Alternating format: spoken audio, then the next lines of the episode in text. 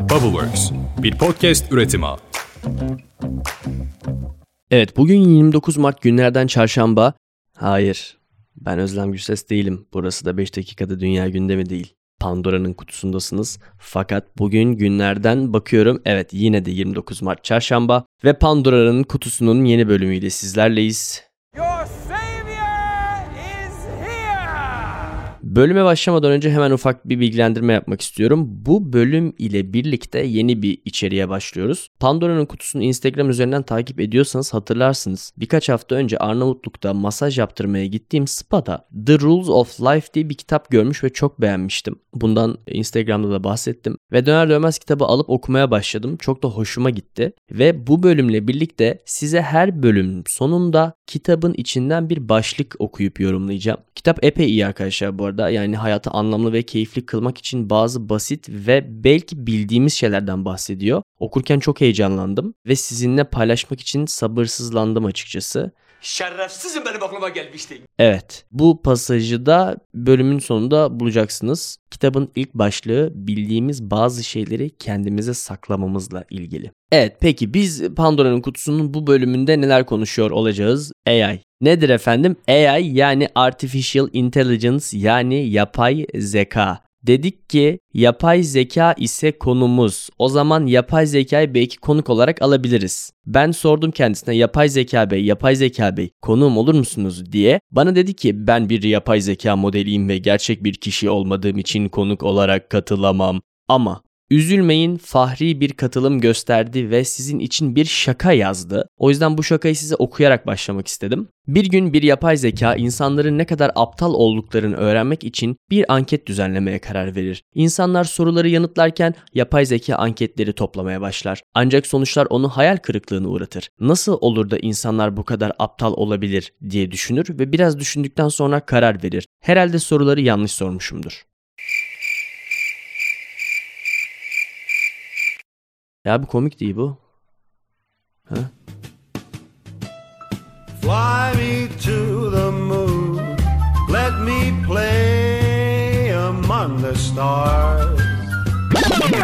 Yapay zekanın tarihçesine baktığımızda aslında zannettiğimizden daha eskiye dayanıyor. Düşünsel boyutta ta antik Yunan'da varlık göstermiş abi. Yani Hesiod ve Homeros'un eserlerinde milattan önce 700'lü yıllarda ilk robot konseptleri yer alıyor. Ve hatta bizim podcast'imize ismini veren Pandora'da bazı kaynaklarda tanrılar tarafından yaratılmış bir yapay zeka olarak geçiyor. İşte Prometheus'un ateşi çalması üzerine tanrılar tüm kötülükleri bir kutuya koyup işte Pandora'ya da insanların arasına sızması sonra da kutuyu açıp beşeriyete kötülükleri yayması görev veriliyor falan fistan. O hikayeyi biliyorsunuz. Daha önce anlatmıştım. Bilmiyorsanız da okuyun kardeşim her şeyi anlatamam. Fakat şu an günlük hayatımızda yer edinen ve kullanılabilirliği de olan yapay zekanın temelleri tabii ki çok daha sonra yani 20. yüzyılda atılmaya başlandı. Bilgisayar işlemcilerinin gelişmesiyle birlikte insan beynini simüle edebilen programlar ve algoritmalar yazıldı. İşte ilk olarak satranç oynamak gibi kısıtlı bir alanda varlık gösterebildi bu AI abimiz biliyorsunuz. Fakat şu an baktığımızda yaratım da yapabiliyorlar artık. Bakın bu önemli bir şey. Bundan bahsedeceğim. Yani aslında küçükken oynadığımız Atari oyununda bilgisayar tarafından yönetilen karakterler de temelde birer yapay zeka idi. Biz bunun içine doğduğumuz için bize garip gelmiyordu. Fakat şu an geldiği noktada artık farklı bir şeyler var. Zira az önce de söylediğim gibi artık algoritmalar o zamana kıyasla çok daha üst düzey bir noktada. Yapay zekayı çok basitçe insan gibi düşünebilen, davranabilen ve öğrenebilen bir makine olarak tanımlayabiliriz. Fakat burada önem arz eden şey öğrenebilmesi. Yani şu anda yapay zekanın günlük hayatımızda gün geçtikçe daha çok yer alabiliyor olmasının sebebi kendini geliştirebiliyor olması. Baktığımızda bazı sektörlerdeki şirketler görece uzun bir süredir kullanıyor yapay zekayı fakat bireylerin günlük hayatına yeni yeni dahil oldu. Mesela hangi sektörler? Finans, sağlık, tarım sektörleri bu konuda öncü. Daha sonrasında otomotiv sektörü biliyorsunuz Elon abimiz Tesla'ların otopilot özelliğiyle tanıtmıştı. Zamanında çok ses getirmişti. Bu otomotiv sektöründe çok majör bir olay. Kaldı ki insanların hayatını da etkilemeye başladı. Yani bireylerin hayatını etkilemeye başladı Amerika'da. Yani tabii İstanbul trafiğinde araba kullanmak öyle Haran Ovası gibi geniş Amerikan otobanlarında araba kullanmaya benzemez. Burada yalnız ve yalnızca güçlü olanın hayatta kaldığı bir trafik düzeni mevcut. Buna kimse karşı çıkamaz. O yüzden çok heyecanlanmayalım. Türkiye'ye gelmesine biraz daha var o otopilot özelliğinin. Daha sonrasında eğitim alanında kullanılmaya başlandı bu AI abimiz. Öğrencilerin hangi alanlarda daha başarılı olduğunu ölçen ve doğru şekilde gelişime yönlendiren sistemler mevcut. Bu benim en çok hoşuma giden oldu çünkü insan yetiştirmek önemli arkadaşlar. İnsan yetiştirirken çok fazla zayiat veriyoruz ve bu doğru değil, hoş değil. Biz bu bölümü size ChatGPT ile beraber hazırladık. O yüzden size kendisini tanıtmasını isterim. Elbette, ben ChatGPT adlı bir yapay zeka modeliyim.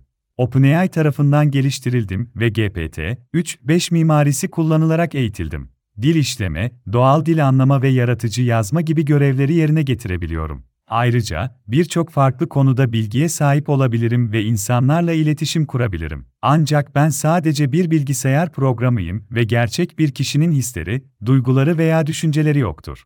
Evet teşekkür ediyoruz kendisine. GPT dediği arkadaşlar Generative Pre-trained Transformer. Kendisine kaç dil bildiğini sordum ve 50'den fazla dilde ana dil seviyesinde yazılı ve sözlü iletişim kurabildiğini söyledi. Yüzden fazla dilde de doğal işleme ve anlama kabiliyetine sahip. 2021 yılında dünyaya geldiğini düşünürsek ne kadar zeki bir çocuk olduğunu görüyoruz değil mi ya? Çağımızın çocukları işte şeyi biliyorlar. Şaka bir yana bu arada şu an ChatGPT dediğimiz model dakikalar içerisinde kitap kalınlığında bir bilgiye ulaşabiliyor ve bunu kitap halinde servis edebilecek dil donanımına da sahip. Yani bayağı masallardaki dilek hakkını yerine getiren cin gibi bir şey. Cin gibi bir çocuk vallahi ya. Helal olsun ya. Vallahi ne çocuklar yetiştiriyorlar. Mesela Jason Allen diye bir adam var. Tamam. Geçtiğimiz sene Colorado Eyalet Fuarı'nda bir resim yarışmasına katılıyor bu Jason Allen abimiz. Midjourney denen bir yapay zeka modeliyle bir resim tasarlatıyor ve o resimle katılıyor yarışmaya. Katılıp da birinci oluyor. Şimdi bu halis midir hocam mesela? Sonra çıkıyor diyor ki dijital resim yarışmasına katıldım. Hiçbir kuralı ihlal etmeden kazandım. Bunun için niçin özür dileyeyim ki? Baktığınız zaman haksız mı? Değil. Yoksa öyle mi? Bilmiyorum. Ben bir etik düşünürü değilim arkadaşlar. Bir de şu an mesela bu ChatGPT dediğim Türkiye'de çok yaygın kullanılmıyor henüz. Fakat Amerika'da çok kullanılan bir olay. Kimse ödev yapmıyor aga. Herkes eseğini bu abiye yazdırıyor falan. Mesela benim kız kardeşim yüksek lisans başvurusu için motivasyon mektubunu bu abiye yazdırdı. Halis mi? Baktığın zaman o da hiçbir kural ihlal etmedi.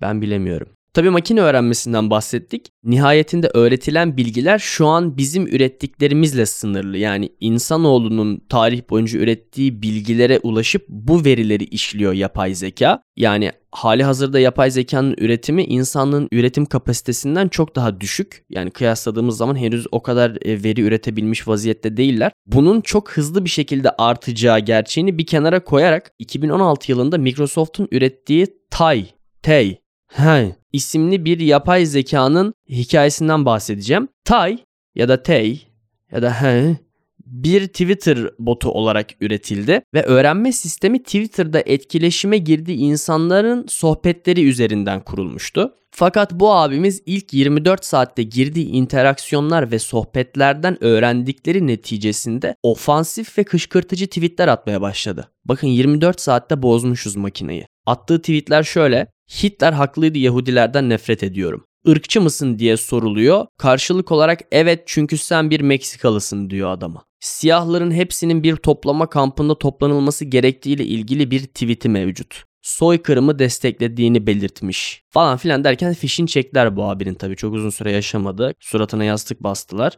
Ben de bunun üzerine ChatGPT'ye şöyle bir soru sordum. İnsanlar zaman zaman kararsız kalabiliyor ya da karar vermek konusunda tembel davranabiliyorlar. Sence yapay zekanın varlığı insanların günlük hayatını nasıl etkileyecek? O da bana ben bir yapay zeka dil modeliyim. İnsanları asiste etmek ve onları belirli konularda bilgilendirmek üzerine tasarlandım. Verilebilecek her karar nihayetinde bireylerin kendisine aittir. Yapay zeka olarak insani etik ve ahlaki değerlere hakim değilim gibi bir cevap verdi. Fakat insanların davranışlarını ve düşüncelerini etkileyebilme kapasitesinin olup olmadığını sorduğumda yani aga sen insanların düşüncelerini ve davranışlarını etkileyebiliyor musun? Öyle bir kapasiten var mı diye sorduğumda Evet, AI insanların tüketim davranışlarını analiz edebilir, hatta bunları etkileyebilir. Örneğin AI destekli pazarlama ve reklam teknikleri birçok tüketiciyi etkileyerek belirli ürünlerin satışını arttırabilir. Bu tür reklam ve pazarlama stratejileri tüketicilerin satın alma kararlarını etkileyebilir ve hatta kararlarını belirleyebilir. Ayrıca AI tüketim trendlerini izleyerek şirketlere daha iyi ürün falan filan dedi. Peki dedim, öyleyse yapay zekanın varlığı insanlığın evrim sürecini nasıl etkileyecek sence? Dedi ki yapay zekanın tam potansiyelini kestirmek zor. Fakat AI'ın insanlığı önemli ölçüde etkileyeceği ve evrimimizin yönünü değiştirebileceği birçok alan olduğu aşikar. Aşikar demedi açıktır dedi ben aşikar diyorum. Bununla birlikte yapay zeka insanların iş yapma şekillerini değiştirebilir ve bazı işlerin otomatikleştirilmesi sonucu nasıl zor kelime lan o otomatikleştirilmesi çok da zor değilmiş. Otomatikleştirilmesi sonucu bazı mesleklerin ortadan kalkmasına neden olabilir. Bu durum insanların iş bulma ve geçimlerini sağlama şekillerini etkileyebilir altını çiziyorum dede. Aga işsiz kalmayalım ya. Tamam. Yani şimdi baktığın zaman teorik olarak sıfırdan bir podcast yaptırabilirsin yapay zekaya. Yani benim verdiğim tadı verir mi bilmiyorum tabii ama böyle bir şey mümkün. Mesela podcast'i elimden alabilir benim. Sağlık alanında yapay zeka kullanılıyor diagnostik olarak. Yani benim verdiğim hizmeti verebilir mi bilmiyorum ama yine de bir şeyler yani. Birçok insanı işsiz bırakabilecek kapasitede AI hakikaten. Baktığımız zaman otomasyona geçtiğimizde sanayi devrimi birçok insanı işsiz bıraktı uzunca bir süre. O yüzden böyle bir tarafı var bu işin. Evet ben ChatGPT ile biraz hasbihal eyledim arkadaşlar gördüğünüz gibi. Aslında elbette ki özellikle de böylesine bir yapay zeka, böylesine dediğim yani dil işleme kapasitesi olan en çok insan psikolojisi ile ilgileniyor. Çünkü insanlarla iletişim kurmak üzerine tasarlanmış. Bir yandan da psikologlar insan psikolojisini daha iyi anlamak için yapay zekayı kullanıyorlar. Baktığınız zaman makul çünkü insanlarla iletişim kurmakta hepimizin belirli savunma mekanizmaları var. Yani birinden bir bilgiyi, bir veriyi elde etmek için onlarca seans yapması gerekebiliyor bazı psikologların. Fakat bu veri analizini yapmak için herhangi bir savunma mekanizması olmayan yapay zeka ile sohbet etmek ki bu yapay zekanın da davranışlarını ve düşüncelerini konuşma şeklini insanları analiz ederek elde ettiğini göz önünde bulundurursak psikologlar için çok daha verimli bir yöntem olabiliyor veri analizi yapmak konusunda. Yapay zeka geliştiricileri de bir sonraki hedef olarak insan duygularını analiz edip buna göre etkileşime girebilen bir yapı oluşturmaya çalışıyorlar. Yani ben çok üzgünüm. Ben bunu şimdi ChatGPT'ye yazsam hiç kine takmaz beni yani. Tamam mı? Duygularla işi yok yani adamın. Ya arkadaşlar bu yapay zeka işinin önü epey açık. Benim hayatıma yeni yeni dahil olan bir şey. Mesela bölüm kapaklarımız yapay zekalar yapıyor bir süredir bizim. Ben ChatGPT'yi ilk kez bu bölümü hazırlarken kullandım. Fakat biraz etkileyici bir şey gerçekten yani üstüne konuşabileceğiniz bir konunuz varsa hakikaten objektif bir iletişim kurabiliyorsunuz adamla. Sizin daha önce kullandığınız ve hoşunuza giden yapay zeka modelleri varsa bana ve diğer takipçilere önermenizi rica edeceğim arkadaşlar. O yüzden Instagram'da bu bölümün postunun altında buluşalım. Benimle kullandığınız ya da bildiğiniz yapay zeka modellerini paylaşın. Ben de diğer takipçilerimizle paylaşacağım bir sonraki hafta yayınladığımız bölümde. Yapay zekadan şimdilik bu kadar. Kendinize çok iyi bakın. Tüm Kips Bay. Evet, gelelim The Rules of Life kitabına. Vaadini vermiştim biliyorsunuz. Sihirbazlıkta da böyledir. Önce bir şey vaat edersiniz, sonra bir şey kaybedersiniz. Az önce kaybettim mesela. Başka bir konuya girdim. Şimdi tekrar reveal ediyorum. Ne prestij mi deniyor ona işte öyle bir şey. Arkadaşlar şöyle bir giriş yapalım kitap hakkında. Şimdi mesela bazı insanlar vardır ya hani ulan bunda da şeytan tüyü var ha ne eline atsa şansı bir yaver gidiyor falan deriz. Ya da mesela aynı standartlardaki iki insandan biri daima yükselirken ötekisi işte yalnızca böyle tebrik edilir falan çabası için takdir görür. İşte bu kitapta diyor ki bu hayatta bazı insan davranışları ve düşünceleri vardır ki bu davranışlar bizi ileri ve yukarı taşır. Bunları bir sır ya da bir meydan okuma gibi görmeyin diyor. Bunlar aslında her insan insan için gün gibi ortadadır. Fakat çoğumuz bir araya getirip bir düşünce oluşturamayacak kadar tırnak içinde söylüyorum meşgul ya da pervasız yaşıyoruz. Bu bahsi geçen şeyleri idrak etmek, günlük yaşama uyarlamak ve bunları sürekli uygulamak kolay mı olacak sanıyorsunuz diyor. Sonra da ekliyor. Hayır diyor. Tabii ki kolay olmayacak. Fakat bunu yapan insanlar kolay olduğu için değil, bunlarla hayat daha keyifli ve anlamlı olduğu için bunu yapıyorlar diyor. Mesela diyor kendine örnek veriyor yazar ben bu bilmem kaçıncı edisyonu yayımlanan kitapta kendi ellerimle yazdığım kurallara harfiyen uyuyor muyum sanıyorsunuz? Hayır diyor, uymuyorum. Hepimiz hayatımızı bir noktada içimizden geldiği gibi yaşamak isteriz. Bazen düşer bazen de kalkarız ve ben de öyle yapıyorum diyor. Fakat diyor ki ben düşmeme izin veriyorum çünkü nasıl kalkabileceğimi öğrenmiş olmanın rahatlığıyla yaşıyorum hayatımı diyor. Bakın bu hakikaten çok iyi bir rahatlık ya. Vay be kardeşim iddialı cümleler. Ama beni çok yükseltti. Bak hoşuma gittin Richard. Adamsın.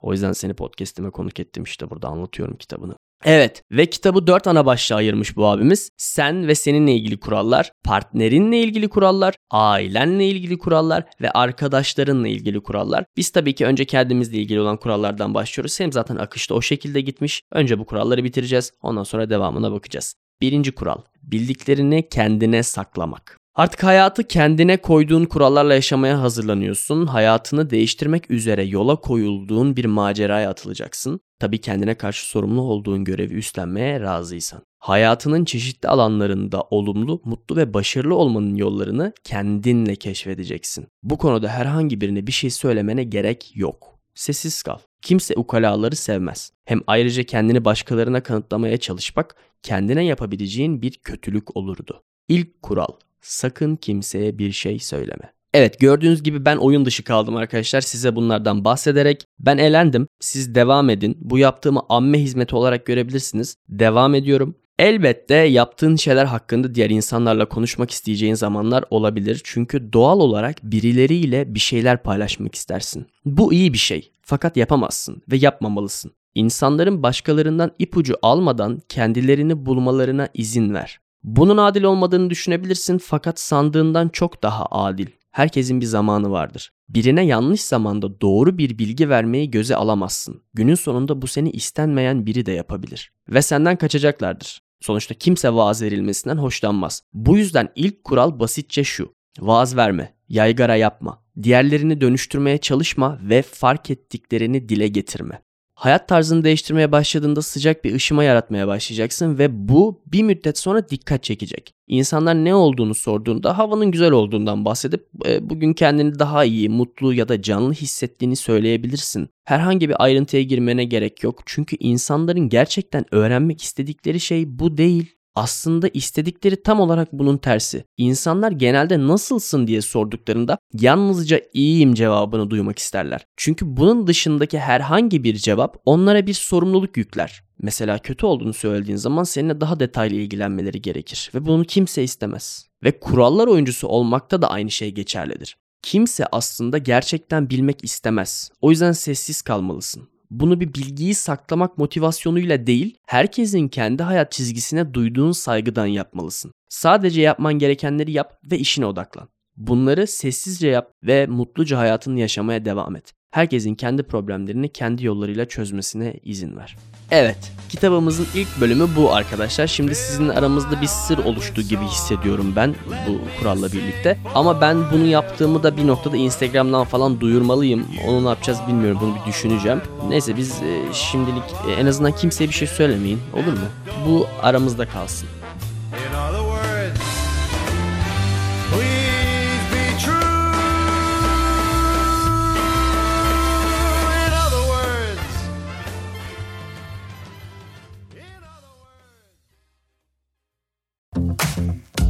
Bubbleworks bir podcast üretimi.